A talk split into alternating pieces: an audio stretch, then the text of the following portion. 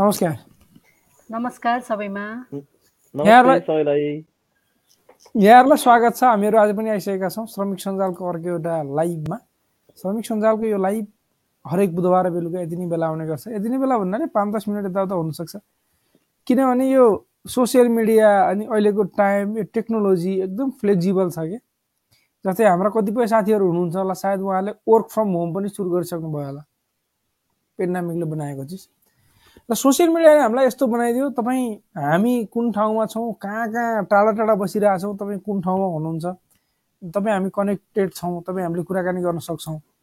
पहिला एकचोटि विदेश गइसकेपछि त्यो को अवस्था कस्तो छ राम्रोसँग पुग्यो कि पुगेन भनेर थाहा पाउनको लागि पत्र कुरेर बस्नु पर्थ्यो एक ताका होइन कुनै बेला। अनि पत्र पनि आइपुग्थ्यो पुग्ने थिएन। त्यहाँको एड्रेस पनि चाहियो। लगायतका धेरै चिजहरू हुन्थे। भनेको मेरो आफ्नो मान्छे विदेश गएको छ त्यो सहीसम्म ठाउँमा पुग्यो कि पुगेन भनेर थाहा पाउनलाई नै अरू एक महिना लाग्थ्यो लगभग। अहिले त म अहिले एयरपोर्टमा पुगेँ जहाज चढेँ जहाजबाट ठ्याक्कै एयरपोर्टबाट म झरिसकेँ। हरेक एयरपोर्टमा वाइफाई हुन्छ होइन। जहाजबाट झरेँ अनि म अहिले कम्पनीको बसमा जाँदैछु। त्यहाँ त सिम नलिएला। पहिलोचोटि जाँदाखेरि होइन भने पनि कमसेकम हरेक चिज अपडेट चाहिँ रहन्छ। तर कहिलेकाहीँ चाहिँ यदि यो त टेक्नोलोजीले त हामीलाई दिएको छ। हामीले चाहिँ यसलाई प्रयोग गर्न नजानेर दुःख पनि पाउँछौँ फेरि। यो चाहिँ सिकौँ। सिकाउने काम तपाईँ हामी मिलेर एक आपसमा गर्न सक्छौँ। आजको यो सुरुको सन्देश भयो। अब चाहिँ हामी के कन्ट्री अपडेटहरू दिनेछौँ। कन्ट्रीसँग रिलेटेड अथवा विदेशमा हामीलाई काम लाग्ने चाहिने चिज विषयवस्तुहरू हामीसँग केही रहनेछन्। साथै तपाईँका कमेन्टहरू पनि लिनेछौँ। यो लाइभलाई तपाईँले अडियो पोडकास्टहरूमा सुन्न सक्नुहुन्छ। तपाईँ कहिलेकाहीँ यात्रा गर्दै गर्दाखेरि कानमा केही सुनेर हिँडौँ न भन्ने लाग्छ भने Google podcast Apple podcast Spotify Anchor FM लगायतका विभिन्न सोह्रवटा प्लेटफर्महरूमा हाम्रो अडियो सुन्न सकिन्छ। त्यसै गरी हामीले फेसबुकमा चाहिँ लाइभ गर्छौँ। फेसबुक चाहिँ फेसबुक पेजमा मात्रै लाइभ हुन्छ। पहिला हामीले युट्युब र ग्रुपमा पनि गर्ने गर्थ्यौँ। अहिले चाहिँ त्यता गर्दैनौँ। हाम्रो पेजमा मात्रै लाइभ हुन्छ। तपाईँहरू पनि श्रमिक सञ्जालको लाई सपोर्ट गर्न चाहनुहुन्छ। भने हाम्रो पेजलाई हाम्रो भिडियोहरूलाई इन्टरेक्सन गर्दै गर्नु होला हामीले बेला बेलामा मेम्बरसिप फर्म पनि खुलाउँछौँ ताकि तपाईँ हामीसँग डाइरेक्ट जोडिन सक्नुहुन्छ। र हामीसँग मेम्बर भएपछि के फाइदा हुन्छ? के बेफाइदा हुन्छ? अथवा किन मेम्बर हुने? अथवा किन जोडिने? भन्ने पनि त्यति नै बेला हामी सेयर गरौँ आज चाहिँ नगरौँ आज हरि सरले अब अपडेट दिनुहुन्छ सुरुमा। कि सुषमा म्याडमले? म्याडम तपाईँको म्युट छ।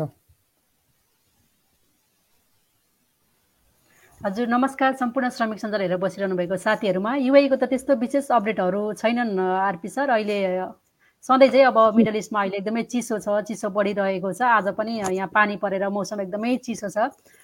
पहिलो यो पोहोरभन्दा अलिकति चिसो बढेको हो कि जस्तो मलाई पनि महसुस भइरहेको छ। आज पनि भित्रै पनि एकदमै धेरै चिसो बिहानी पख पनि नेपालको जस्तै अलिकति शीत शीतलहर जस्तो टाइपको हुन्छ नि कटकट खाने चिसो।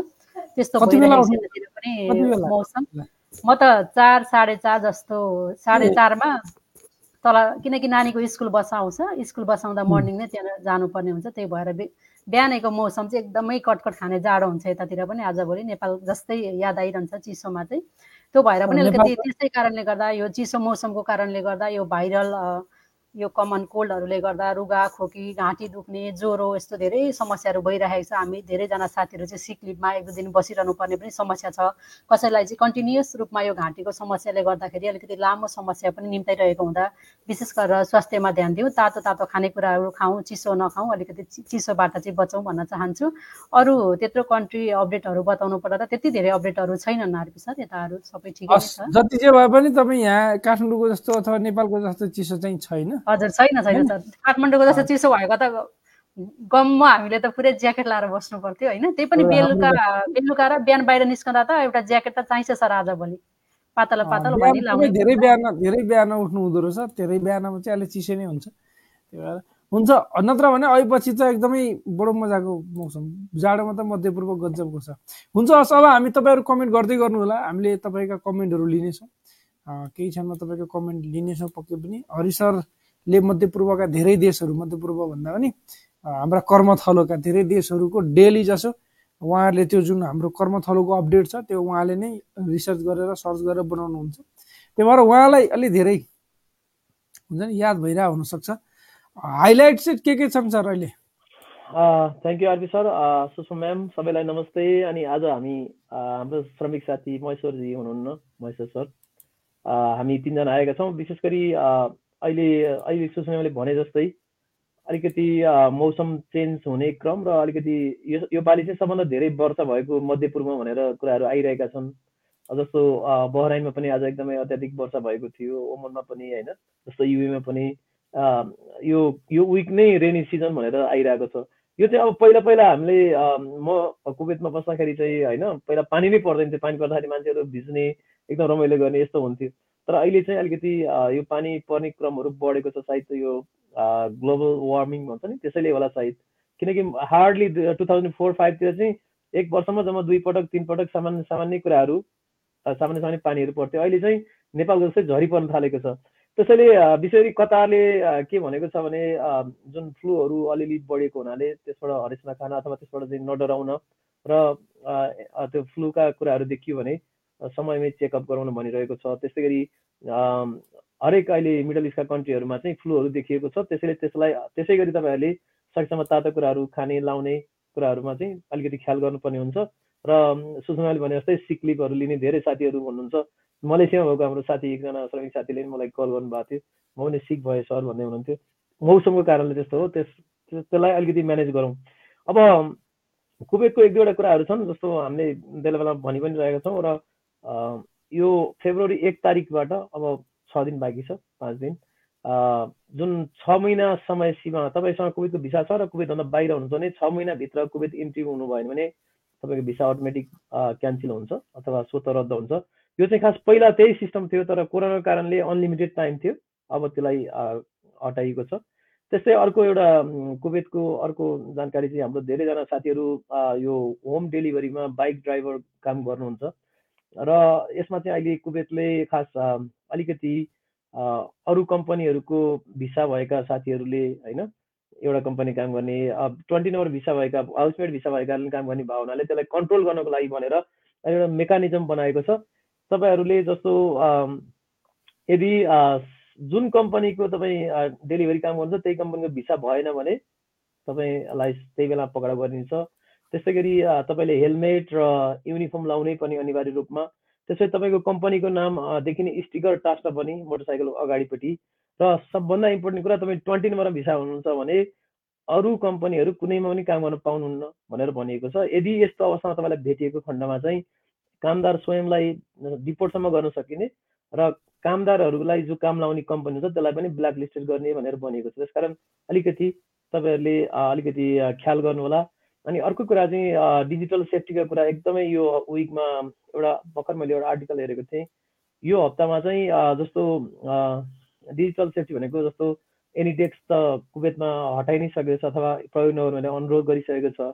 अहिले चाहिँ विशेष गरी कम्प्युटरमा अथवा तपाईँको फोनमा म्यासेजमा चाहिँ विभिन्न होइन अफरका कुराहरू दिएर तपाईँहरूलाई झुक्याउने तपाईँको डाटा चोरी हुने यस्तो भावनाले तपाईँहरूले विशेष गरी आफ्नो ओ अनलाइन ओटिपी भन्छ वान टाइम पासवर्ड त्यो सेयर नगर्नुहोस् आफ्नो पर्सनल इन्फर्मेसनहरू सेयर नगर्नुहोस् ब्याङ्क एकाउन्टहरू सेयर नगर्नुहोस् र आफ्नो आइडीहरू पनि सुरक्षित राख्नुहोस् भनेर चाहिँ सबैलाई सूचना दिएको छ। त्यो तपाईँहरूले त्यो पनि गर्नुहोला किनकि त्यो हाम्रो सम्पत्ति पनि हो।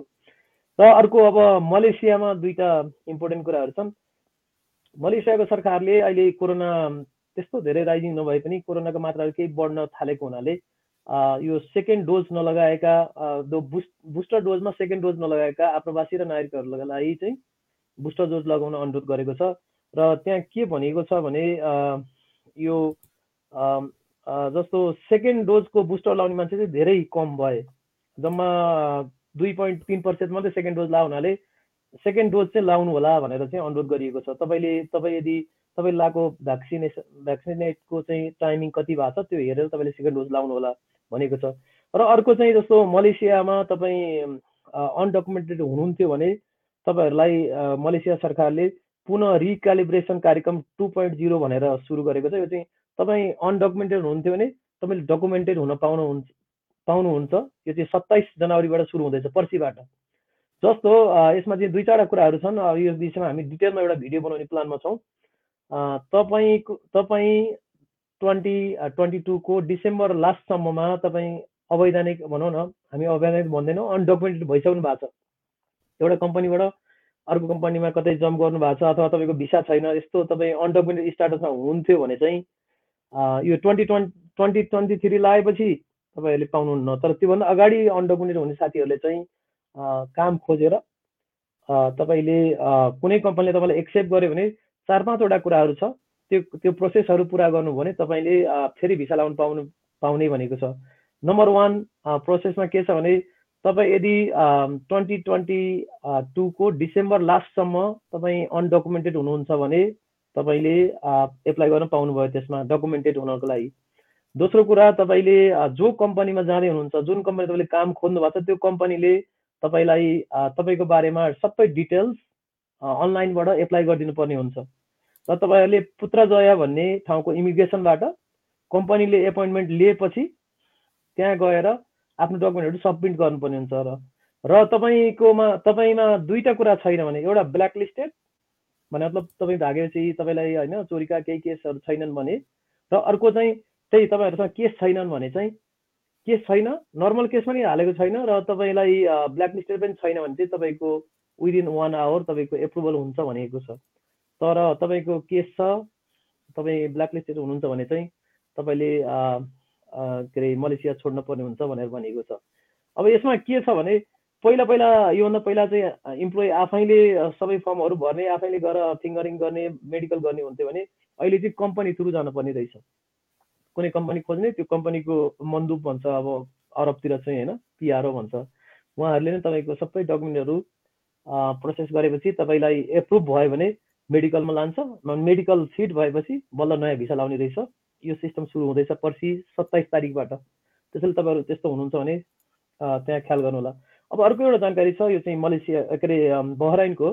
बहराइनमा पनि तपाईँ फ्ल्याक्सी पर्मिट फ्ल्याक्सी पर्मिट भन्छ त्यसलाई चाहिँ टेम्पोरी भिसा भनौँ न एक्सटेन्डेड भिसामा हुनुहुन्छ अथवा यो फ्लेक्सी पर्मिट भनेको चाहिँ तपाईँको भिसा इन्ट्री नभएको अवस्था हुनुहुन्छ अथवा अनडकुमेन्टेड भनौँ कसरी भन्ने यसलाई होइन? फ्लेक्सी पर्मिट भन्दछ त्यहाँ चाहिँ।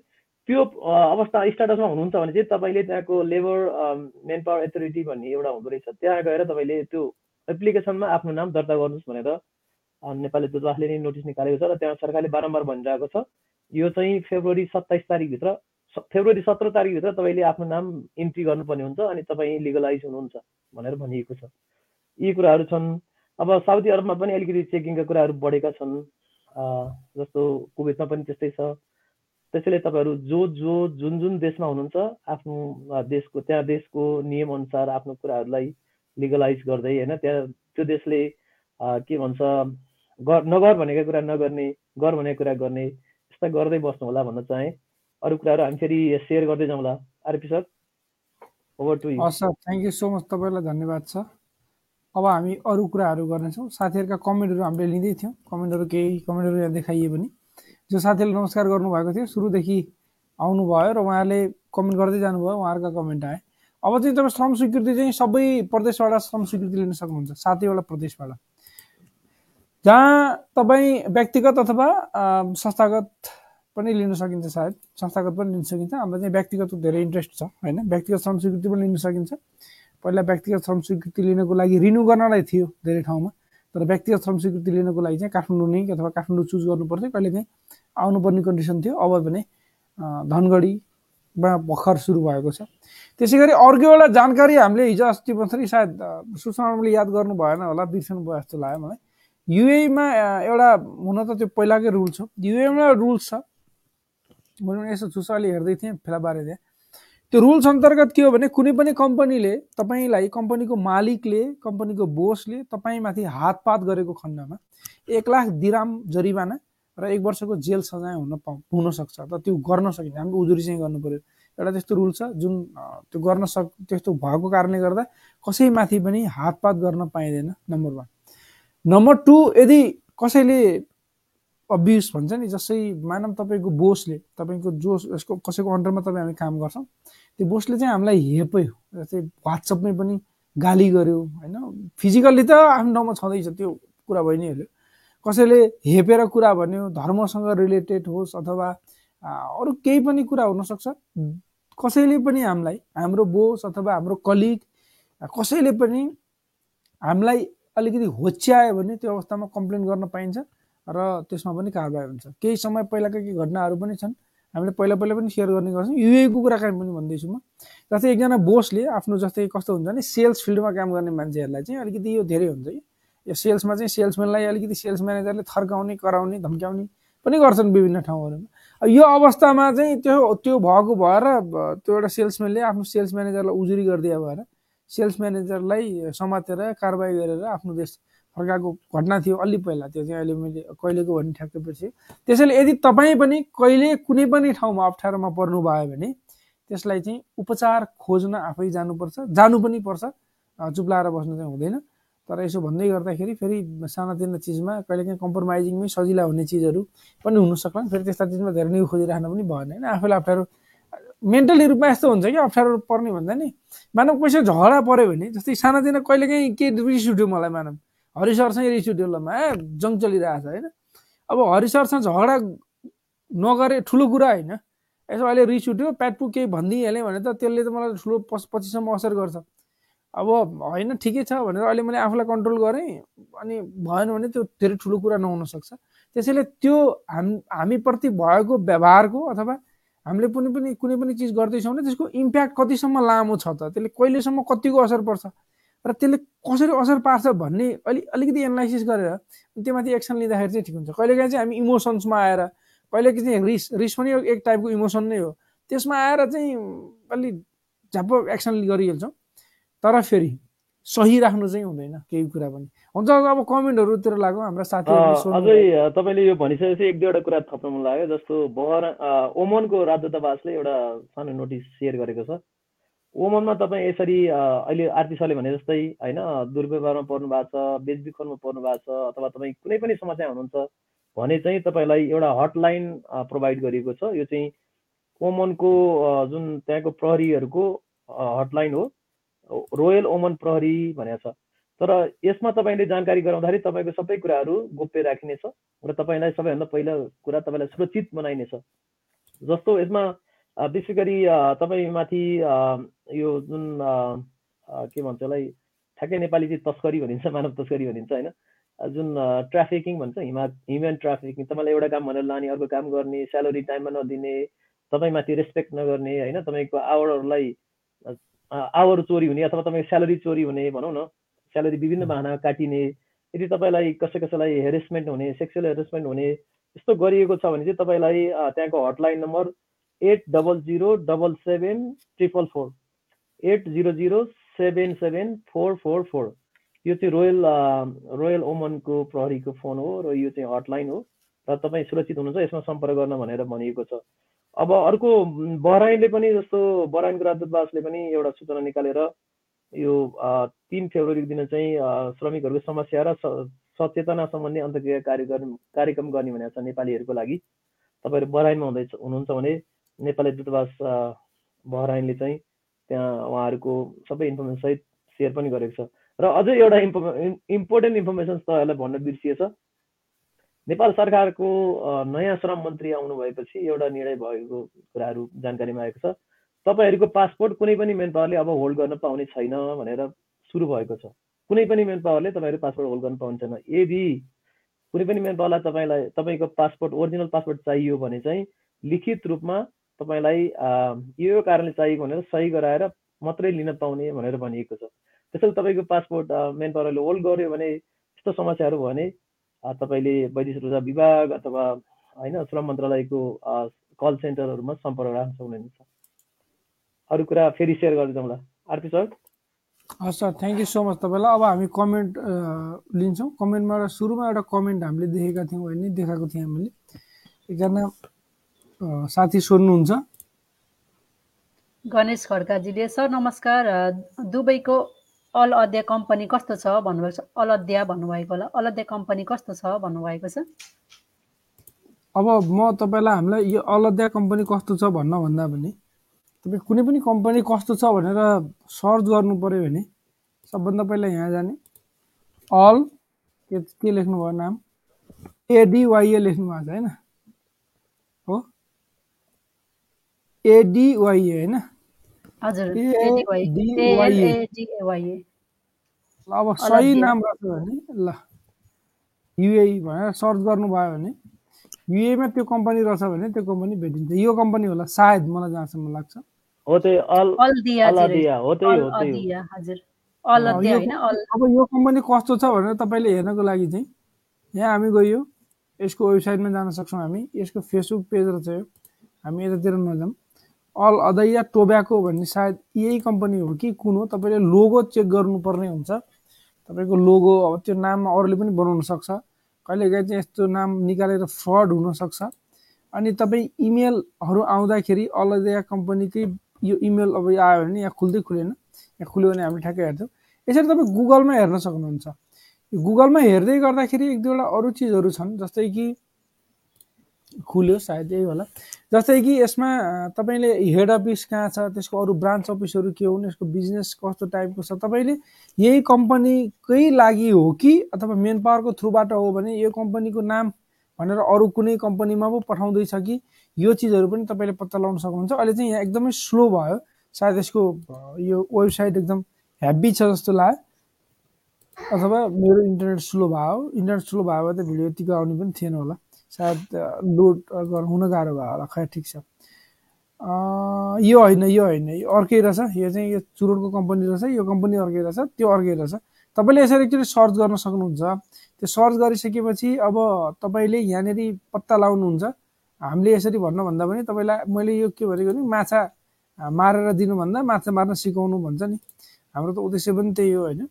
त्यो भएर तपाईँले आफै सर्च गर्नु होला। अहिले मलाई अलिकति टाइम लाग्ने भयो। अब फेरि अरू साथीहरू त्यति मात्रै सर्च गर्नलाई यहाँ बसिराख्नु भएको हुँदैन। अरू साथीहरूको समयको कदर गर्दै हामीले त्यसलाई चाहिँ त्यही तपाईँलाई आइडिया मात्रै भन्यो भने अर्को कमेन्ट लिन्छौँ हामी यति बेला। बद्री नेउपानेजीले अहिले छुट्टी सकेर फर्किँदा राष्ट्रिय परिचय पत्र अनिवार्य गरेको छ र सर भन्नुभएको छ? छैन त्यो तर छैन। यस्तो चाहनुहुन्छ। तपाईँ तपाईँले नेपालमा बसेर पासपोर्ट बनाउन चाहनुहुन्छ भने परिचय पत्र एप्लाई गरेर त्यसको नम्बरको आधारमा बनाउनु पर्ने हुन्छ। तर तपाईँको पासपोर्ट भ्यालिड छ। तपाईँले अहिले बनाउनु पर्दैन भने त्यस्तो अनिवार्य चाहिँ होइन। तर आएको बेलामा बनाइराख्दा चाहिँ राम्रो। किनभने अब बिस्तारै बिस्तारै परिचय राष्ट्रिय परिचय पत्रलाई अलिकति कम्पलसरी बनाउने र एउटै मात्रै परिचय पत्र बनाउने कुराहरू चलिरहेका छन्। त्यो बनाम समय भएसम्म फुर्सद भएसम्म त्यो अनिवार्य होस् नहोस्। किनभनेदेखि जस्तै तपाईँ हामी त विदेशमा हाम्रो त हाम्रो देशमा जस्तै युएमा बस्छौँ हामी इमिरेट्स आइडी एउटा इमिरेट्स आइडी बोकेर हिँड्यो भने जहाँसुकै त्यसैले काम गर्छ। कतारमा कतार आइडी सिभिल आइडी कुवेतमा पताका होइन अकामा उसमा साउदी अरबमा यी सबै के हुन् त भन्दा यी सबै नेसनल आइडीका एउटा पार्ट हुन् जस्तै रेसिडेन्सी पनि रेसिडेन्सीहरूलाई प्र प्रदान गरिन्छ। होइन यो सिटिजनसिप चाहिँ होइन त्यो चाहिँ तर हाम्रो चाहिँ एक हिसाबले सिटिजनसिप नै हो। सायद रेसिडेन्सीको लागि अरू कुनै भिडा कार्ड दिन्छ कि पछि थाहा छैन।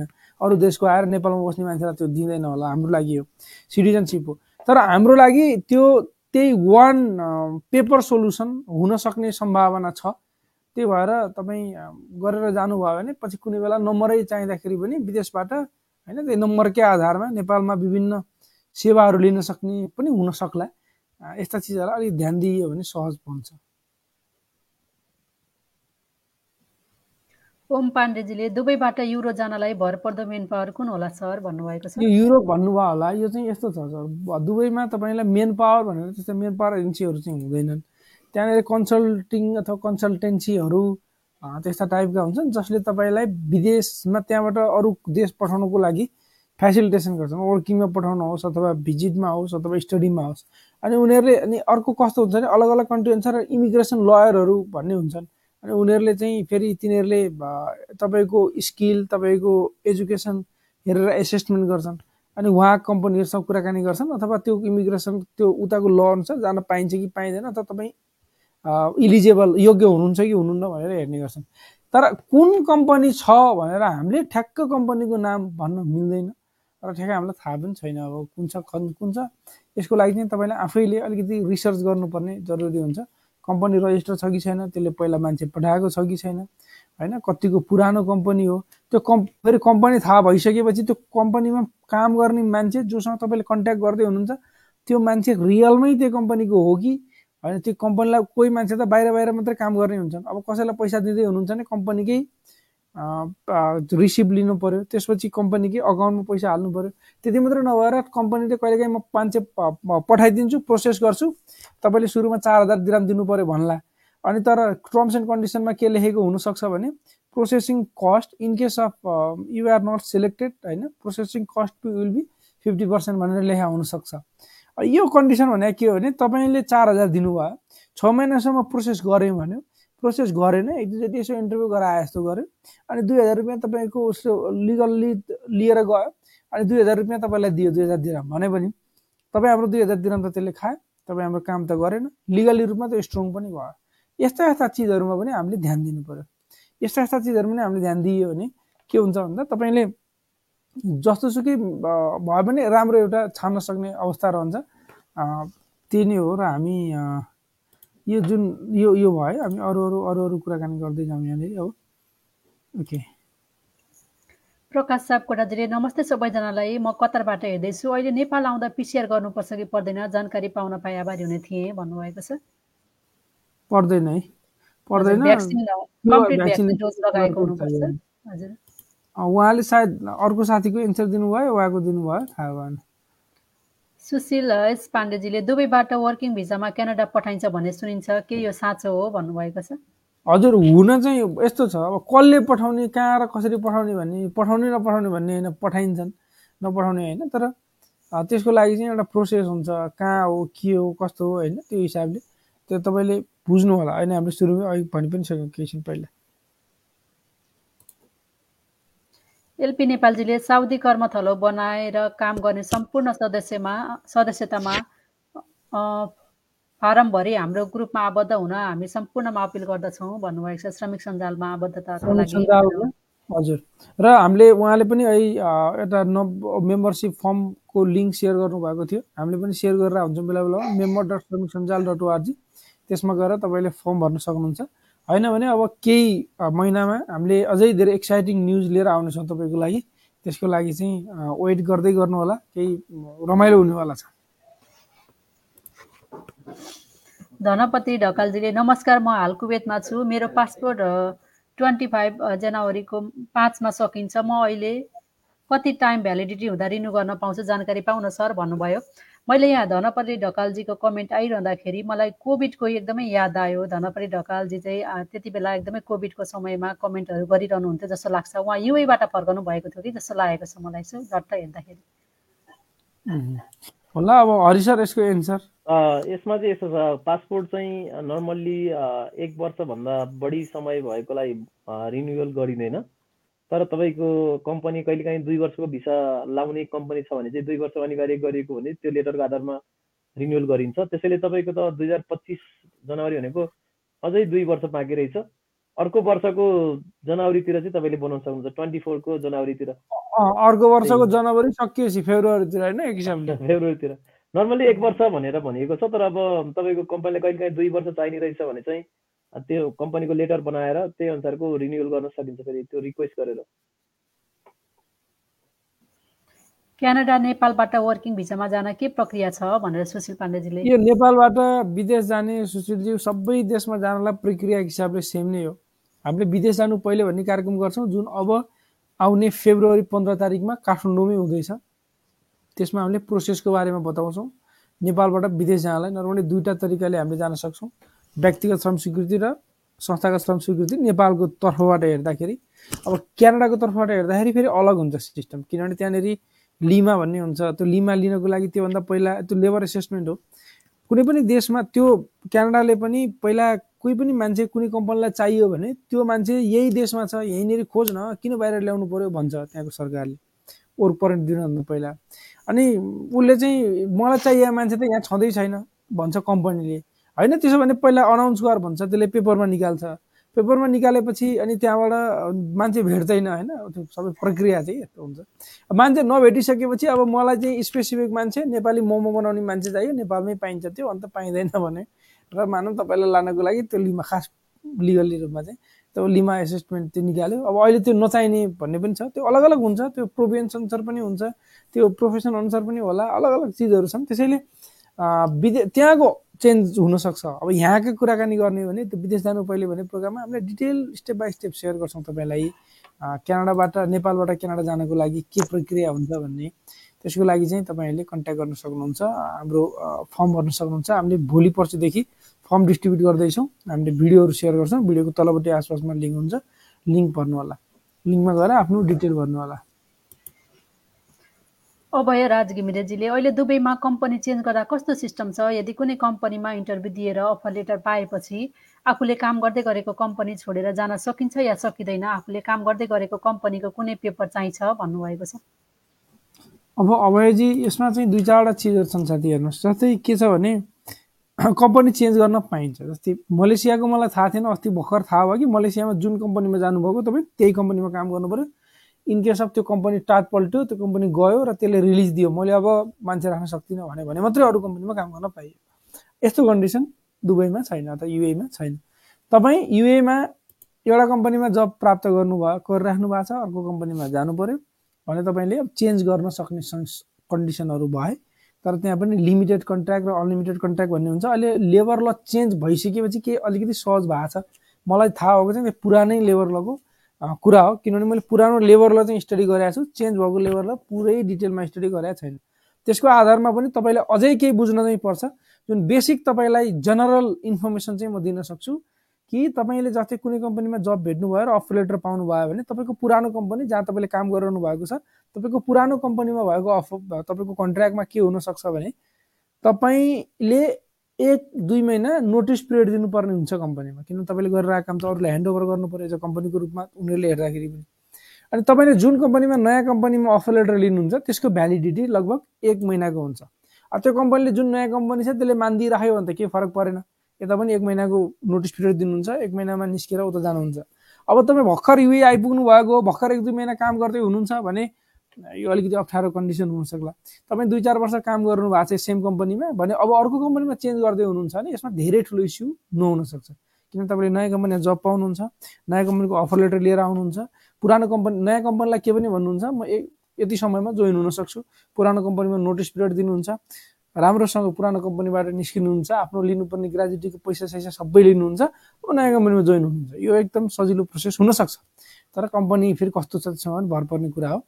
रुल्सको हिसाबले चाहिँ त्यस्तो साह्रो त्यो एकदमै टाइट गरेर होइन एकदम गाह्रो हुने भन्ने चाहिँ त्यस्तो हुँदैन। हजुर आरपी सरले सबै कुराहरू भनिसक्नु भएको छ। अब कतिपय कम्पनीमा चाहिँ के सुनिन्छ भन्दाखेरि त्यसरी अर्को कम्पनीमा अफर लेटर आइसकेपछि चेन्ज गर्नको लागि कम्पनीले किनकि कन्ट्र्याक्ट गरिसकेको हुन्छ अलरेडी अब यहाँ दुई वर्ष तिन वर्षको कन्ट्र्याक्ट हुने हुँदा धेरै उसको पनि इन्भेस्टमेन्ट भएको हुन्छ नि त आफ्नो कामदारको लागि। त्यो कारणले गर्दाखेरि चाहिँ उनीहरूले पनि यति पैसा दिइसकेपछि चाहिँ त्यो कम्पनीबाट अर्को कम्पनीमा जान पाउने भन्ने पनि केही क्राइटेरियाहरू पनि राखेको सुनिएको छ धेरै यो साथीहरू यो चाहिँ यस्तो हुन्छ। नर्मली तपाईँको कम्पनीमा सुरुमा अफर लेटर जुन कन्ट्र्याक्ट हुन्छ त्यसमा लेखिएको हुन्छ। सायद लिगली रूपमा गभर्मेन्टको हिसाबले त लेख्न। पाइँदैन हजुर। पाइँदैन सर। यो लेबर लको हिसाबले त छँदै छैन। अहिले चेन्ज पनि भएको छ। तर कति कम्पनीहरूले चाहिँ त्यस्तो गरेर अर्को कम्पनीमा जानको लागि नदिरहेको भनेर पनि धेरै हामीले सुनिरहेको हुन्छ। हाम्रै साथीभाइहरूबाट। म म जुन कम्पनीमा काम गर्थेँ त्यो कम्पनीमा पनि मैले मैले इनकेस अफ जब छोड्नु परेको खण्डमा पैँतालिस दिनको स्यालेरी दिने भनेर लेखेको थियो। हालाकि मैले त्यो कम्पनी छोडेर अरू कम्पनीमा जब कहिल्यै गरिनँ। बिच बिचमा छोड्छु पनि भन्थेँ छोड्छु भन्दाखेरि दिनुपर्छ भन्ने थिएन जाने दिएन होइन त्यो अलग चिज थियो। तर के छ भने कम्पनीहरूको कहिलेकाहीँ चाहिँ अफर लेटरमा पनि एउटा मेन्सन गरिएको हुन्छ। त्यो पनि हेर्नु होला। अर्को लिमिटेड र अनलिमिटेड भन्ने पनि हुन्छ। अनलिमिटेडमा चाहिँ तपाईँ जहिले पनि छोड्न पाउने भन्ने हुन्छ। लिमिटेडमा चाहिँ जति वर्ष कन्ट्र्याक्ट गर्नुभएको हुन्छ त्यति वर्षभित्र छोड्नुपर्छ भन्ने हुन्छ। इनकेस अफ होइन भने बिहान लाउन पाउने भन्ने थियो पहिला। अब अहिले त्यस्तो छ कि छैन। मलाई त्यो त्यो चाहिँ अहिलेको फेरि नयाँ सिस्टममा त्यो थाहा भएन। अझै एकचोटि राम्रोसँग तपाईँ बुझ्नु होला। बुझेर तपाईँको कन्डिसन सिचुएसन कस्तो छ होइन? हामीले फेरि यहाँबाट भन्नु मात्रै त भएन नि त। मिन जीसीजीले नमस्ते सबैजनालाई भन्नुभएको छ। शिव त्रिपाठीजीले हेलो नमस्ते आज के लेख्नुभएको छ होल युएमा जब भिओले भोल लेख्नुभएको होला भोल युएमा जब इन्सुरेन्सको कुरो आएको छ होल भन्नुभएको होला सायद यसको आज भोलि युएमा भन्नुभयो होला। ए आज भोलि युएमा जब इन्सुरेन्सको कुरो आएको छ यसको इन्फर्मेसन के छ हजुरसँग क्लियर पारिदिनु भए आभारी हुने थिएँ भन्नुभएको छ। हजुर अस्ति भर्खर यो एउटा न्युज आएको छ। त्यसमा चाहिँ हामीले इन्सुरेन्सको लागि एप्लाई गर्न सकिनेछ यदि हामीले हाम्रो जागिर गएको खण्डमा जागिर गइसकेपछि त्यहाँ केही अमाउन्टहरूले चाहिँ यहाँबाट दिने भन्ने कुराहरू आएको छ। त्यसको बारेमा विस्तृत हेर्नु होला अझै डिटेलमा गर्नुपर्छ। यस्तो चिज नरेश सरले बनाउनुहुन्न यसको भिडियो। हजुर। उहाँले अस्ति मैले त्यहाँनिर उहाँको अपडेट अब एक्ज्याक्टली त म भन्दिनँ भ्यालिड होइन? मैले त्यहाँ देखे अनुसार चाहिँ चार सय दिराम भनेर लेखिएको थियो होइन? यदि हाम्रो जागिर गएर बेरोजगारी भएको अवस्थामा चाहिँ हामीले त्यो एप्लाई गऱ्यौँ भने चार सय दिराम भनेर लेखिएको थियो। अब त्यो भ्यालिड इन्फर्मेसनको लागि चाहिँ हामीले अलिकति स्टडी गर्नै पर्ने हुन्छ। त्यो अब इन्सुरेन्स भनेको पहिला कन्फर्म बुझिहालौँ। इन्सुरेन्स भनेको चाहिँ कुनै पनि जोखिम भएको खण्डमा त्यो जोखिम वहन गर्नको लागि लिइने एउटा दिइने एउटा सुविधा हो। त्यसको लागि चाहिँ पहिला प्रिमियम भन्ने तिर्नुपर्ने हुन्छ। त्यो केही निश्चित मात्राको हुन्छ। मानव तपाईँले एउटा हेल्थ इन्सुरेन्स लिँदै हुनुहुन्छ भने तपाईँले दुई सय दिराम एक वर्षमा तिरेर तपाईँले दस हजारसम्मको एउटा हेल्थ इन्सुरेन्स पाउन सक्नुहुन्छ। मानव अथवा नेपालको कुरा गर्ने भने पैँतिस सय रुपियाँ तिरेर पाँचजना परिवारको लागि सरकारकै एक लाखसम्मको हेल्थ इन्सुरेन्स लिन सक्ने सुविधा हुन्छ। अब त्यो पैँतिस सय रुपियाँ तपाईँले दिनु त हुन्छ। एक वर्षभित्र कोही बिरामी भयो भने त्यो पैसा पाइयो। बिरामी भएन भने त्यो पैसा गयो त्यो प्रिमियम गयो। यो जस्तै हाम्रो तपाईँ हामी वैदेशिक रोजगारीमा जाँदाखेरि ट्रम इन्सुरेन्स गरेर जान्छौँ दुई वर्षको साढे दुई वर्षको लगभग एजको हिसाबले हुन्छ होइन। चार हजार पाँच हजार रुपियाँ हामीले तिर्छौँ के को लागि? ट्रम इन्सुरेन्सको लागि। अब त्यो ट्रम इन्सुरेन्सको लागि जब हामीले पैसा तिर्छौँ त्यो पैसा इन केस अफ हामीलाई केही नहोस् कहिले पनि कसैलाई पनि। कसैलाई केही भइहालेको खण्डमा हाम्रो परिवारले पाउने भयो अथवा दुर्घटना भएर हात खुट्टा नचल्ने भएको खण्डमा केही पैसा पाउने भयो भने अर्को भनेको तपाईँको त्यो पैसा केही भएन भने त्यो पैसा गयो। यो जबको इन्सुरेन्सको पनि सायद हुनसक्छ। तपाईँले पहिला केही प्रिमियम तिर्नुपर्ने हुनसक्छ। त्यो अझै कति पैसा प्रिमियम के तिर्ने भन्ने छैन। खासमा हामीले एप्लाई गर्ने होइन त्यो एप्लाई गर्नुपर्ने हुन्छ। एप्लाई गरिसकेपछि चाहिँ त्यो यहाँबाट नै दिने हो। लास्टमा हाम्रो यदि जब लस भयो भने चाहिँ हामीले जब लस त्यो? अहिले एप्लाई गभर्मेन्टबाट नै हो। त्यो त्यसको छ सर लिङ्कहरू छ साइटहरू छ होइन? त्यो डिटेल मैले पनि हेर्नु यसो त्यसो भने यो चाहिँ हाम्रो यो हाम्रो सबैलाई चाहिने चिज नै भयो यो। चाहिँ। यसको बारेमा अलिकति अस्ति टाइम्समा आएको थियो मैले पनि न्युज चाहिँ हेरेको तर डिटेलमा मलाई पनि त्यो अपडेट छैन। नरेशन सरले पनि त्यसको बारेमा त्यसमा। एकदम खुलाइएको छैन त्यहाँ चाहिँ नर्मली। समराइज मात्रै गरे हुनाले मैले पनि हजुर। हो सर यस्तो हुन्छ क्या यहाँनिर आएको न्युजहरू कहिलेकाहीँ यस्तो भनिएको छ भनेर आउँछ अनि त्यसको डिटेल हेर्दाखेरि न्युजमा दिएको हुँदैन नि। फर्दर अपडेटहरू आएपछि हामी सेयर गरौँला भनेर हामीले। त्यति अब स्टडी गरिँदैन नि त। त्यो ठ्याक्कै सबै जनरल इन्सुरेन्सको जनरल इन्सुरेन्सको आइडिया मैले भने। त्यो इन्सुरेन्स होइन सर यो चाहिँ हामीले एप्लाई गर्ने हो होइन? हामीले कुनै ट्रम त्यसरी तिर्नु ओर्नुपर्ने केही पनि होइन। एप्लाई गर्ने। एप्लाई गरिसकेपछि चाहिँ हाम्रो जब लस भयो भने चाहिँ यहाँबाट गभर्मेन्टबाटै भनौँ न अब गभर्मेन्टबाट कम्पनीबाट यहाँबाट चाहिँ पाउने हाम्रो हो कि त्यो चाहिँ। ल कोही साथीहरूलाई आइडिया छ भने अहिले तल कमेन्ट पनि हेरौँला। कोही युएबाट हेर्नुहुने साथीहरू कति साथीहरूलाई त्यो आइडिया पनि हुनसक्छ। अनि त्यो कति महिनाको लागि दिने कति महिना जब नभयो भने दिने अनि कस्तो अवस्थामा जब लुज गऱ्यो भने दिने भन्ने टर्म्स एन्ड कन्डिसन चाहिँ छ होला नि होइन त्यो डिटेल आएको छैन सर। त्यहाँ मैले यसो देख्दा जानकारी भए अनुसार चाहिँ तिन महिनासम्म हो कि जस्तो लागेको छ। ओके मतलब एउटा कुनै। मान्छेले जब गुमायो र त्यो त्यसको। तिन महिनासम्म उसँग जब भएन भने पाउने हो। हजुर त्यस्तो लाग्छ। अब त्यो चाहिँ डिटेलमा अलिकति बुझौँ यो चाहिँ अलि। राम्रोसँग बुझौँ। किनभने एउटा मान्छे न्युजमै अलिकति अपडेट आएको छैन। यस्तो हुन्छ। हामीले चाहिँ अब यहाँको एउटा न्युज गर्नलाई सोर्स भिजा चाहियो नि त फेरि। त्यो कन्ट्रीमा बस्नलाई भिजा पनि त चाहियो। होइन अहिले त फेरि अब कम्पनीबाट- क्यान्सल गरिदियो। म त्यहीँ बसिरहेको छु। अनि मसँग भिजा छैन। अब म भिजिट भिसामा बसिरहेको छु। मलाई जब छैन भनेर त्यो यस्तो अवस्थामा त पक्का सरकारले दिँदैन होइन? कन्डिसनहरू के हुन्? एकचोटि राम्रोसँग बुझेर पक्कै पनि हाम्रो साथीहरूलाई हामीले त्यसको जेन्युन इन्फर्मेसन यस्तो हुन्छ। अब यसरी नै साथीहरूले पनि न्युजमा आएको अपडेट अनुसार अपडेट अनुसार उहाँहरूले पनि अब हामीलाई क्वेसन सोध्नु भएको हुन्छ। अब हामीले चाहिँ न्युज स्रोतको आधारमा नै बोल्नुपर्ने हुन्छ होइन? किनकि न्युजमा विस्तृत जानकारी आइसकेको छैन। नरेश सेन सरहरूले भनेको विभिन्न अब इन्टरनेट विभिन्न उबाट पनि लिनुहुन्छ। उहाँहरू अलिकति बढी उहाँहरूलाई आइडियाहरू भएको कारणले गर्दा सेयर गरिरहनु भएको हुन्छ। हामीसँग चाहिँ अलिकति विस्तृत जानकारीहरू आएपछि हामी सेयर गर्नेछौँ। हो एकदमै। हामीसँग आएपछि हामी पक्का सेयर गर्छौँ। यो के हो भने जब लस इन्सुरेन्स भन्छ त्यसलाई होइन? कि के भन्छ? हरेक इम्प्लोइले हरेक इम्प्लोइको इम्प्लोयरले इन्सुरेन्स गर्न पर्ने भनेर भनिएको छ। कसै न कसैले कहीँ न कहीँ केही न केही पैसा त सर कसै न कसैले कहीँ न कहीँ। केही न केही पैसा त पक्का दिनु पर्यो प्रिमियमको रूपमा। नदिइकन त कसले बेहोर्छ होइन? मानव। चार सय दिराम महिनाको दिने रहेछ भने पनि त्यसले हुनसक्छ पचास दिराम एक वर्षको सबैको लागि सबैको लागि चाहिँ अनिवार्य हो र यो चाहिँ खास कम्पनीले प्रति वर्ष सिक्सटी थ्री दिराम तिर्ने भनेर भनेको छ होइन? तर अब यो कम्पनीले तिर्ने भयो। पर्सनले अँ, तिर्नु कम्पनीले परेन। तिर्ने कम्पनीले तिर्ने हो तर अब कति कम्पनीले तिरेन भने अब त्यही उसले तिरेको पैसा त्यहीँबाट कटाउँछ नि त। त्यस्तो नि गर्छ नि। कति ठाउँमा होइन? भिसाको पैसा पनि लिन्छन् त्यस्तै हुन सक्ला। तर यो बारेमा ठ्याक्कै प्रोसेस वान टू थ्री फोरमा आइसक्यो हुनाले हामीले सेयर नगरे हो। ठिक बारेमा फेरि स्टडी गरेर तपाईँलाई भिडियो बनाएर हामी पोस्ट गरौँ। हजुर। है। पाण्डे बहादुर ज्ञानजीले नमस्कार सर म्याडम। कुवेतमै काम गरिरहेको अवस्थामा नेपाल नफर्की श्रम रिन्यू गर्नु परे दूतावासबाट मिल्छ कि मिल्दैन होला? यहाँ बाहिरबाट गर्नुपर्ने हुन्छ जानकारी दिनुहोला भन्नुभएको छ।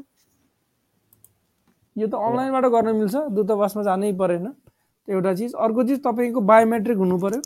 तपाईँ जुन कम्पनीमा काम गरिरहनु भएको छ त्यही कम्पनीमा अहिले काम त्यही कम्पनीमा श्रम गरेर आउनु भएको थियो र त्यो श्रम लगभग दुई हजार उन्नाइसभन्दा पछि गर्नुभएको भने नेपालको वैदेशिक रोजगार विभागको सिस्टममा तपाईँको बायोमेट्रिक भनेको औँठा छाप आँखाको स्क्यान त्यो रहन्छ।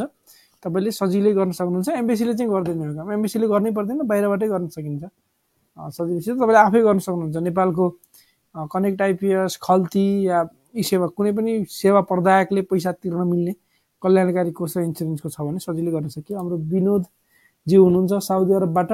हाम्रो साउदी अरबमा हुने साथीहरूको एउटा ग्रुप छ यहाँ। उहाँहरूसँग तपाईँहरूले कन्ट्याक्ट गरेर कुराकानी गर्न सक्नुहुन्छ। मिनजीसीले नमस्ते भन्नुभएको छ अर्को कमेन्ट न्यू हो शिव त्रिपाठीजीले हेलो नमस्ते। आज अघि हामीले लिइसक्यौँ उहाँको क्वेसन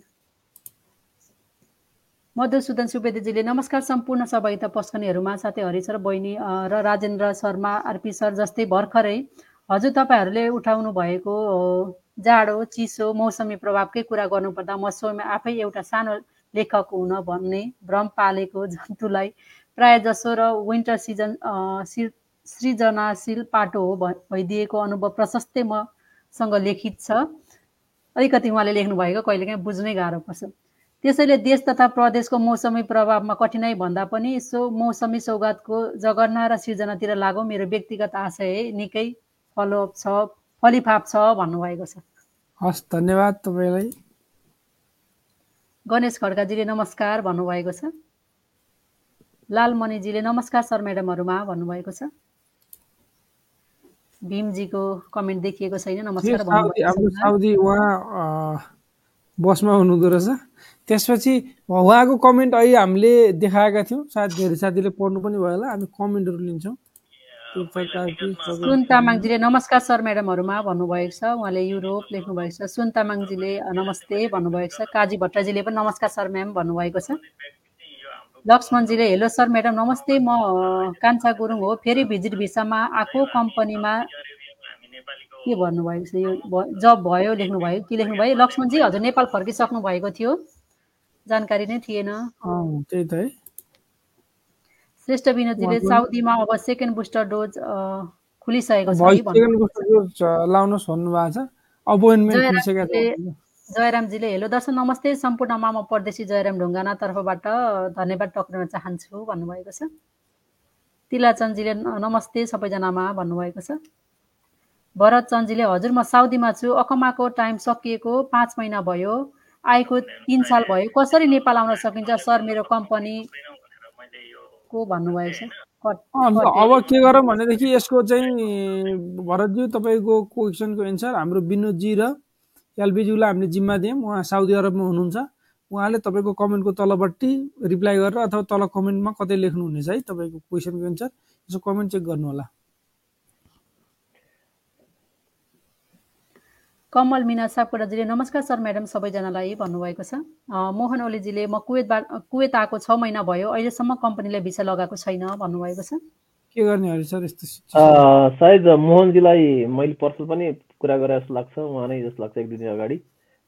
खास अब कम्पनीले भिसा नलाउनुको कारणहरू एक दुईवटा हुनसक्छ। एउटा मेन कारण चाहिँ कम्पनी लसमा हुनसक्छ अथवा कम्पनी विरुद्ध कुनै मुद्दाहरू कसैले कम्प्लेन हाल्यो भने त्यो कम्प्लेन रिलिज नभएसम्म भिसाहरू लाउन पाउँदैन।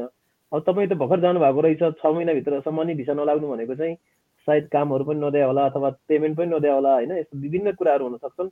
अब यो कुरा डिटेल्स के हो चाहिँ अब हामीलाई यही फेसबुक पेजमा म्यासेज गर्नुभयो भने हुन्छ अथवा तपाईँले नेपाली दूतावास कुवेतमा पनि एकपल्ट सम्पर्क गर्नुभयो भने तपाईँलाई अलिकति सहज होला। होइन अब मेन पावरलाई त भनिसक्नु पनि होला। नर्मल्ली तिन गएको तिन महिनाभित्र तपाईँको भिसा लगाइकन मेडिकल गरिकन भिसा लाएर सिभिल आइडी आइसक्छ। अब किन आएन भन्ने कुरा चाहिँ अब त्यो विभिन्न प्राविधिक कुराहरू हुनसक्छ। अब त्यही भनौँ अहिलेलाई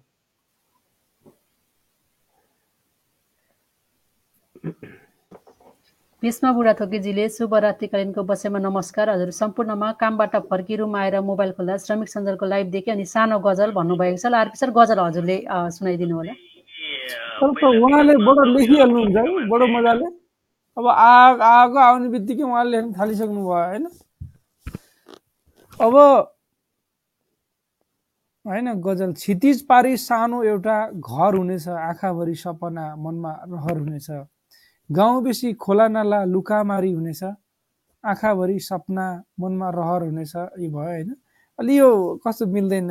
भन्नाले यो नमिल्ने होइन तपाईँले लेखा मिल्छ। हामीले पढ्दाखेरि त्यो यस्तो हुन्छ नि त।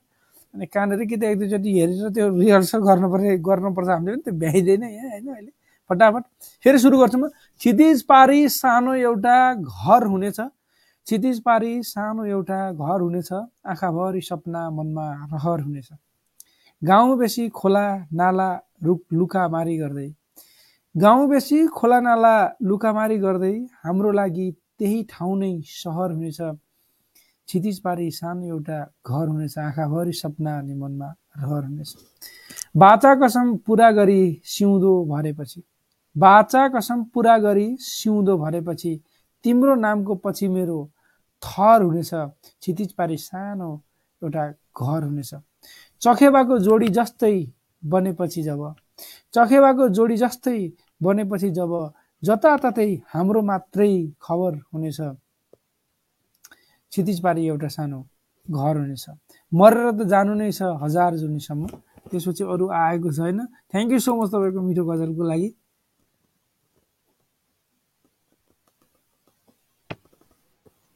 हेलो पढिसक्नुभयो सर? हजुर सक्यो नि। मोहन भट्टराईजीले नमस्ते हजुर सबैजनालाई अति खुसी लागेको छ भन्नुभएको छ। Thank you so much Shyam परियाजीले नमस्कार म दुबईबाट हेर्दैछु भन्नुभएको छ। देवीलाल भुषालजीले वासिङ मेसिन ल्याउनु परेमा कति भन्सार लाग्ला मलेसियाबाट आउँदा भन्नुभएको छ। यस्तो यो चाहिँ मैले मैले भर्खर हेरेको थिएँ होइन मैले ट्याक्कै भेट्न सकिनँ उहाँको कुरा। मैले यहाँ अनलाइनमा हेर्दै थिएँ ठ्याक्कै भेट्न सकिनँ। तपाईँलाई हामी तपाईँकै कमेन्टमा कमेन्ट गरेछौँ। अँ देखेपछि त्यही गरौँ होला। आजकल अहिले पनि हामीले पनि हेर्नै पर्छ यहाँ। होइन किन हामीसँग अलिकति टाइम पनि छैन धेरै कमेन्टहरू छ होइन? उहाँको लागि चाहिँ म गरौँ कमेन्टमा गरौँ। म्याच कमेन्टमा तपाईँको कमेन्टमा कमेन्ट गरौँला पत्ता लगाएपछि।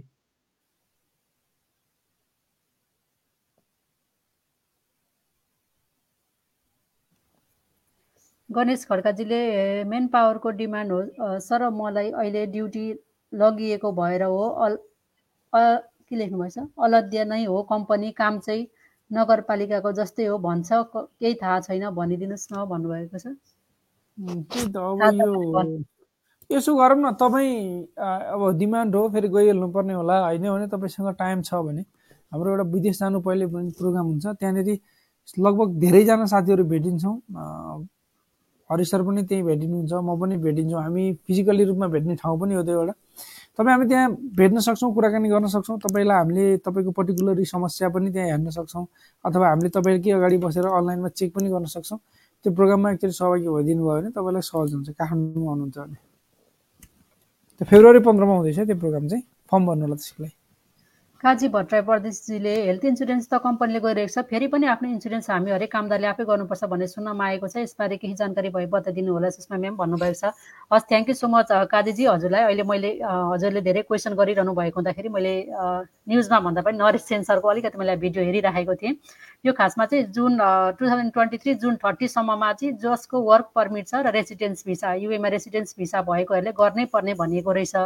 चाहिँ first of the January two thousand twenty twenty थ्रीदेखि लागू भइसकेको छ भनेर उहाँले अपडेट गराउनु भएको छ। तर डिटेलमा मैले चाहिँ अलिकति न्युजमा नदेखेको हुँदाखेरि अलिकति भ्यालिड अब न्युजहरू हेरेर अपडेट गरौँला भनिरहेको छु। फर्दर अपडेटहरू हामी सबै बुझेर पक्कै पनि अर्को एपिसोडमा हामी सेयर गर्नेछौँ है त काजीजी। प्रेम सुनारजीले नमस्कार सर भन्नुभएको छ। अब हामी कमेन्टहरू धेरै छन् हामीसँग पचास मिनट भइसक्यो। अलिकति कमेन्टहरू ल्याउँ अलि मेन मेन मेन मेन भन्दा नि रेन्डम कमेन्टहरू लिउँ है। अ, एक दुईवटा कम्प्लेनहरू अथवा एक दुईवटा समस्याको कुराहरू छन् त्यही भएर अलिकति लाग्ने कि जब लसको लागि यहाँ एउटा साथीले हाम्रो साथीले यो लिङ्क पठाउनु भएको छ। लिङ्क पठाउनु भयो त्यहाँ गएर चेक गर्नु होला जो जो साथीहरूले युएमा हुनुहुन्छ अँ, उहाँहरूले चाहिँ त्यो गर्नु होला श्रेष्ठ विनोदजीले यो कार्यक्रम श्रमिकद्वारा श्रमिककै लागि तयार पारिएको कार्यक्रम हो। तपाईँ हाम्रो सूचना र जानकारीकै लागि हो। हजुर पनि हामीसँग सँगै श्रमिक सञ्जालमा जोडिन सक्नुहुन्छ भन्नुभएको छ। सरोज खनालजीले वैदेशिक रोजगार विभागको नम्बर पाउन सर। विदेशमा अलपत्र भयो मेन पावर कम्पनीले केही गरेन के गर्ने भन्नुभएको छ? अ, सरोजजीलाई मैले नम्बर दिइहालेँ। आरपी सर टाइप गरेर कमेन्ट पनि राखिदिनु होला। वैदेशिक रोजगार विभागको एउटा हटलाइन नम्बर छ। Nine eight five one three three four one zero eight यो मोबाइल नम्बर हो nine eight five one three three four one zero eight तपाईँले यसमा सम्पर्क गर्न सक्नुहुन्छ अथवा तपाईँ यहाँ हुनुहुन्न भने आफ्नो परिवारलाई सम्पर्क गर्न लगाएर आफ्नो डिटेल भन्न पनि सकियो। यही नै हो कम्प्लेन गर्ने ठाउँ।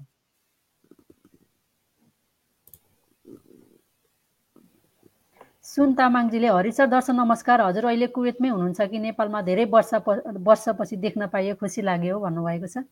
थ्याङ्क यू सुन दाई। उहाँ एकदमै मेरो प्रिय दाई हुनुहुन्छ। उहाँलाई पनि मैले धेरै वर्षपछि देखेँ। धेरै खुसी लाग्यो। एलपी नेपालजीले नेपालमा रहेको मान्छे हाम्रो श्रमिक सञ्जालमा सदस्यता लिई आबद्धता जनाउन सकिन्छ कि सकिँदैन? भन्नुभएको छ। अ, नेपालमा नेपालमा यस्तो छ। अँ, साथीहरूलाई भनिहालौँ यो चाहिँ। यो नेपालमा श्रमिक सञ्जाल भन्ने छैन खासमा। जो जति नेपालमा हुने हामी साथीहरू छौँ नि दुई चारजना साथीहरू यो चाहिँ हामी विदेशमै विदेशकै श्रमिक सञ्जाल हो। विदेश श्रमिक सञ्जाल चाहिँ विदेशमा बस्ने साथीहरूको ग्रुप हो जो नेपाली साथीहरू हुनुहुन्छ स्पेसली र नेपालमा चाहिँ उहाँहरू जति तपाईँहरू श्रमिक सञ्जालको सदस्य हुनुहुन्छ भोलि नेपाल फर्किसकेपछि स्वत तपाईँ श्रमिक सञ्जालकै हुनुहुन्छ तर श्रमिक सञ्जालको अर्को एउटा ग्रुप छ नेपालमा जो वैदेशिक रोजगारमा फर्केका साथीहरूको उहाँहरूको अलग्गै हुन्छ। जस्तै के हुन्छ भने हामी वैदेशिक रोजगारीमा हुँदाखेरि कुरा गर्ने अथवा वैदेशिक रोजगारीमा हुँदा हाम्रो समस्या अलग हुन्छन्।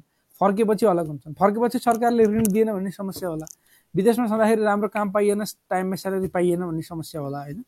जानभन्दा पहिला मेन पावरै ठग्यो भन्ने समस्या होला। अलग अलग समस्याका लागि अलग अलग टाइपका ग्रुपहरू हुन सक्छन्। त्यसैले के छ भने विदेशमा हुँदाखेरिको ग्रुप भयो।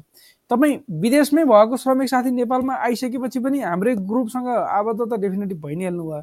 त्यसमा हामी के गर्छौँ? विदेश जाने साथीहरूलाई अवेर गराउँछौँ। आफूले जाने बुझेको कुरा उहाँलाई सिकाउँछौँ। विदेशबाट आएपछि नेपालमा सेटल हुनको लागि केही सपोर्ट सहयोग चाहियो साथीहरूलाई।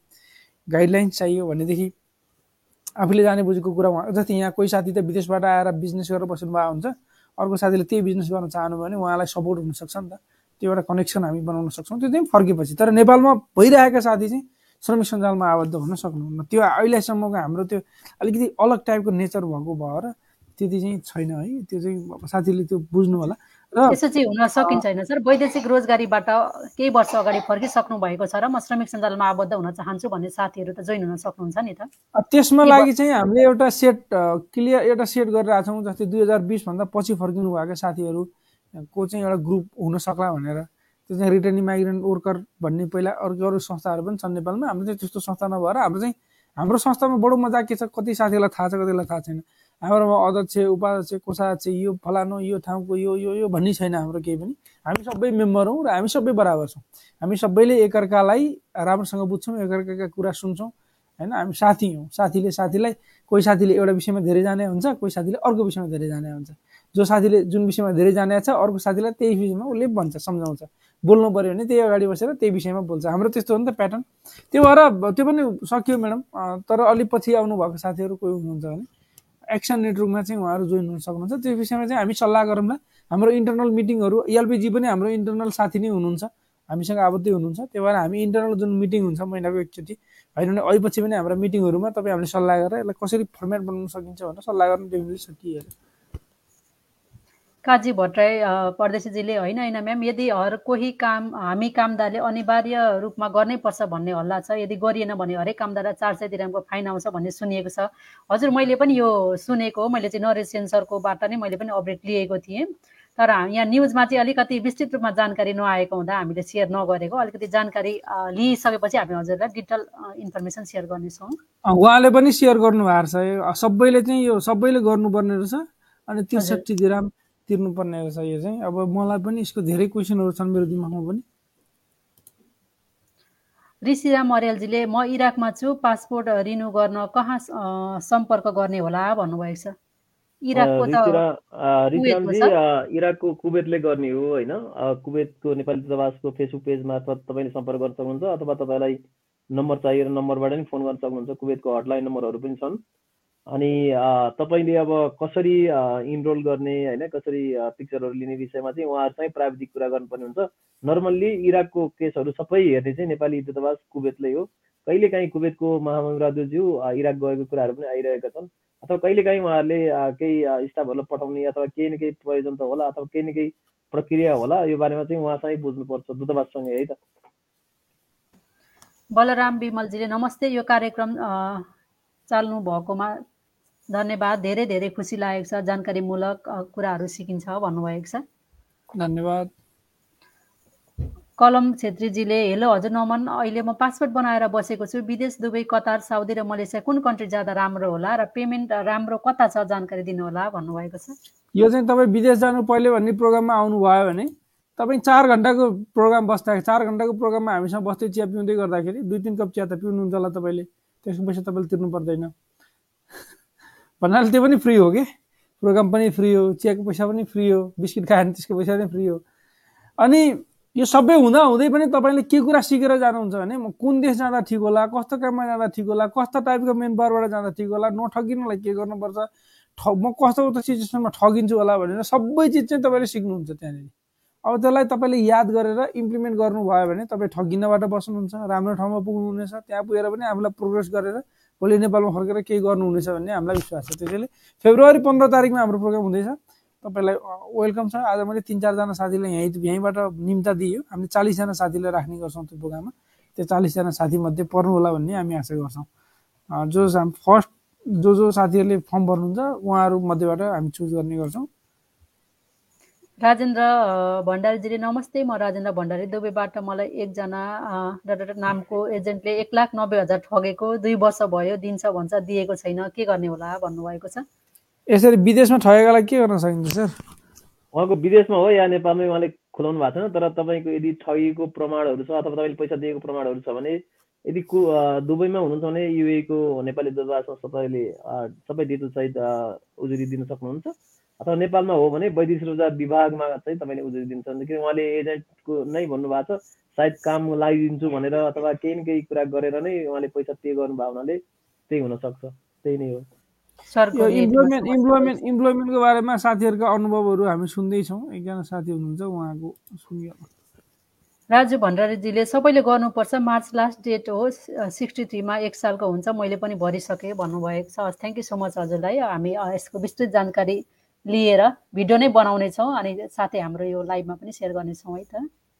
हस् यो कम यो कमेन्ट यो कमेन्ट पछि हामी सक्छौँ। यो कमेन्टको राजेश कटवालजीले नमस्ते सर मिस सबैजनालाई। म पनि साउदीबाट हो। हाम्रो पनि कम्पनी रेड लाइनमा छ। सो अकमाको पनि डेट सिद्धिएको तिन मन्थ हुन लाग्यो अनि यस्तो रेड लाइनमा भएको कम्पनीबाट ग्रिन लाइनमा भएको कम्पनीले लियो भने जान पाइन्छ भन्ने कुरा सुनिन्छ। के होला? यसको जानकारी पाउन सकिन्छ कि भन्नुभएको यो छ जिम्मा पनि विनोद हाम्रो विनोद अ, जी र एलपिजी उहाँहरू दुईजनालाई दिइयो सरहरू तपाईँहरूले यसलाई हेर्नु होला। यो क्वेसनलाई हेरेर तपाईँहरूलाई उहाँहरूलाई दुइटा दियो। अरे सर याद गर्नु पऱ्यो है। उहाँहरूलाई पनि उहाँहरूले पनि आफू स्टडी गर्दा गर्दा गर्दा गर्दा खुङ्खार हुनुहुन्छ क्या यति भइसकेपछि। उहाँहरूलाई आइडिया त छ होला कतिपय चिजहरू कतिपय चिजहरू नभए पनि। अब एन्सर दिनुपर्छ भने खोज्नुहुन्छ अब साथीहरूले अब हामीलाई पनि स्वयमै एक्जाम्पलको रूपमा साथीहरूलाई हाम्रो विनोदजी उहाँ हुनुहुन्छ हाम्रो साथी। एकजना उहाँलाई अर्को हाम्रो एलपिजी उहाँ हुनुहुन्छ है। साउदीको केही क्वेसनको दुईजना दुईवटा कमेन्ट हामीले गऱ्यौँ। एकजना साथीको अकामाको क्वेसनको समस्या थियो अर्को चाहिँ रेल लाइनबाट ग्रिन लाइनमा गएपछिको भन्ने थियो। यो क्वेसनको एन्सर चाहिँ तपाईँहरूले जसरी भए पनि उपलब्ध गराउनु पऱ्यो उहाँहरूको अनुहार पनि हामीले देखाइयो खुलेआम। हाम्रो साथीहरू हाम्रो साथी हो क्या उहाँहरू। त्यो भएर यस्तरी खुलेआम भन्न खोजेँ मैले। एकजना यहाँ हुनुहुन्छ विनोद श्रेष्ठज्यू। अर्को एकजना हुनुहुन्छ एलपी नेपालज्यू। हस् ल। अरे उहाँलाई मेसेन्जरमा पनि त्यो मेसेज पठाएको भन्नुभएको छ हरि सरलाई। अनि आरपी सर मैले यसै कन्ट्र्याक्टहरूकै विषयमा ठगीको कुरामा अलिकति जोडिहाल्न चाहेँ। भर्खरै दुई तिन दिन अगाडि पनि एकजना साथीले चाहिँ मलाई अलिकति गुनासो गर्दै उहाँले आफ्नो भाइलाई भिजिट भिसामा ल्याएको आफू यता भएकोले गर्दा जब पाउनको लागि जबको लागि भनेर भाइलाई ल्याएको थिएँ र एउटा एजेन्टसँग कन्ट्याक्ट भएर दुई हजार दिराम दिएर चाहिँ काम लगाइदिन्छु भनेर मैले दुई हजार दिराम दिएँ। कन्ट्र्याक्ट पेपरहरू पनि दिएछ सबै कम्पनीमा भनेर। त्यसपछि एक दुई दिनपछि उहाँलाई अब काममा लगाइन्छ भनिएको थियो। दुई दिनपछि उहाँले सम्पर्क गर्दाखेरि उहाँको मोबाइल स्विच अफ रहेछ। अब यस्तो अवस्थामा के गर्ने? एकदमै समस्यामा पर्यो भनेर पनि उहाँले मलाई मेसेज गर्नुभएको थियो। र अब समस्यामा परिसकेपछि पनि हामीले अब केही उपायहरू त गर्नुपर्छ तर सम्पूर्ण साथीहरूलाई अलिकति हामीले सचेत रहनको लागि चाहिँ समस्यामा पर्नु अगावै। अहिले युएमा एकदमै यस्तो फ्रड केसहरू धेरै भइरहेको छ। भिजिट भिसामा विशेष गरी आउनुभएकोलाई टार्गेट बनाइछ किनकि उहाँहरूलाई धेरै कुराहरू जानकारी हुँदैन। थोरै पैसा बोकेर आउनुभएको हुन्छ त्यही पैसा पनि लिएर एउटा जागिर लगाइदिने आश्वासनमा पारेर चाहिँ एकदमै समस्या भोगिरहनु भएको हुँदा हामीले कस्तो कम्पनी हो के हो अलिकति विचार गरेर मात्रै भर परौँ भन्न चाहन्छु। थोरै रकम पनि अब त्यसरी गइसकेपछि हामी समस्यामा पर्छौँ नि त। त्यो हुँदा अलिकति अवेर हौँ। अब राम्रो कम्पनीहरूले खासमा भन्ने हो भने राम्रो कम्पनीहरू छ भने त्यसरी पैसा लिएर जागिर लगाइदिन्छु भन्दै भन्दैन। हामीले अनलाइनको थ्रुबाट त्यसरी एप्लाई गरिसकेपछि केही दिनमा हामीलाई इन्टरभ्यूको लागि बोलाइन्छ र इन्टरभ्यू फेस गरिसकेपछि स्वतः हामीलाई कन्ट्र्याक्ट पेपरहरू अफर लेटरहरू गरेर हामीले जब जोइन गर्न सक्छौँ। यसरी एजेन्टको थ्रुबाट पैसा दिएर लगाइदिने भन्ने कुराहरूमा चाहिँ पूर्ण रूपमा विश्वास त नहुनु होला। कस्तो हो के हो भनेर अलिकति सम्पूर्णतिर बुझिसकेपछि मात्रै जानु होला। जागिर लगाइन्छु भनेर लगाइन्छ पनि। मैले देखिरहेको छु यहाँ साथीहरूमा पनि के छ भन्दाखेरि भिजिट भिसामा आउनुभएको साथीहरूलाई उहाँहरूसँग कुराकानी गर्ने अनि पैसा लिने सुरुमा हजार पन्ध्र सय दुई हजारसम्म लिने अनि अब सामान्य साना साना कम्पनीहरूमा सप्लाई कम्पनी भयो सुपर मार्केटहरू भयो साना साना यो डे टु डेहरू जस्तो नाइट नाइट टु नाइटहरू भन्ने हुन्छ नि सानातिना सेल्सका त्यस्तामा मार्केटहरूमा। त्यस्तोमा लगाएर पन्ध्र बिस दिनसम्म काम लगाउने अनि पन्ध्र बिस दिनसम्म काम लगाइसकेपछि स्यालेरी पनि नदिने पन्ध्र बिस दिनपछि चाहिँ उहाँहरूलाई के अरे कन्ट्र्याक्ट पनि नगराइने भिसा नलगाइदिने। त्यस्तो एकदमै समस्याहरू भएको हुँदा विशेष गरेर भिजिट भिसामा आउनुभएको साथीहरू र कोही आफ्नो हजुरको दाजुभाइ दिदीबहिनी रिलेटिभ साथीभाइहरू पनि भिजिट भिसामा आउनुभएको छ र यस्तो कुराहरूमा अलिकति जानकार हुनुहुन्न भने चाहिँ हजुरले पनि अलिकति सचेत गराइदिनु होला भन्न चाहन्छु। जस ल बडो गजबको कुरो भयो। अब आजलाई यति नै गरौँ होला। हस् हुन्छ। हामी एक घन्टा एक मिनट पनि क्रस भइसकेको छौँ। अब आजलाई छुट्टिनु यति भन्दै आजको लागि छुट्यौँ होला। जहाँ हुनुहुन्छ जस्तो हुन्छ कमेन्टहरू थियो आफ्नो आफ्नो ख्याल राख्नु होला। नमस्ते। हजुर जहाँ हुनुहुन्छ जस्तो हुन्छ। खुसी रहनु होला सुखी रहनु होला जीवनमा हरेस नखानु होला। रातपछि बिहानी आउँछ भन्दै अघि बढ्नुपर्छ। हस् त। हजुरको दिन शुभ रहोस् स्वस्थ रहनु होला। Good night.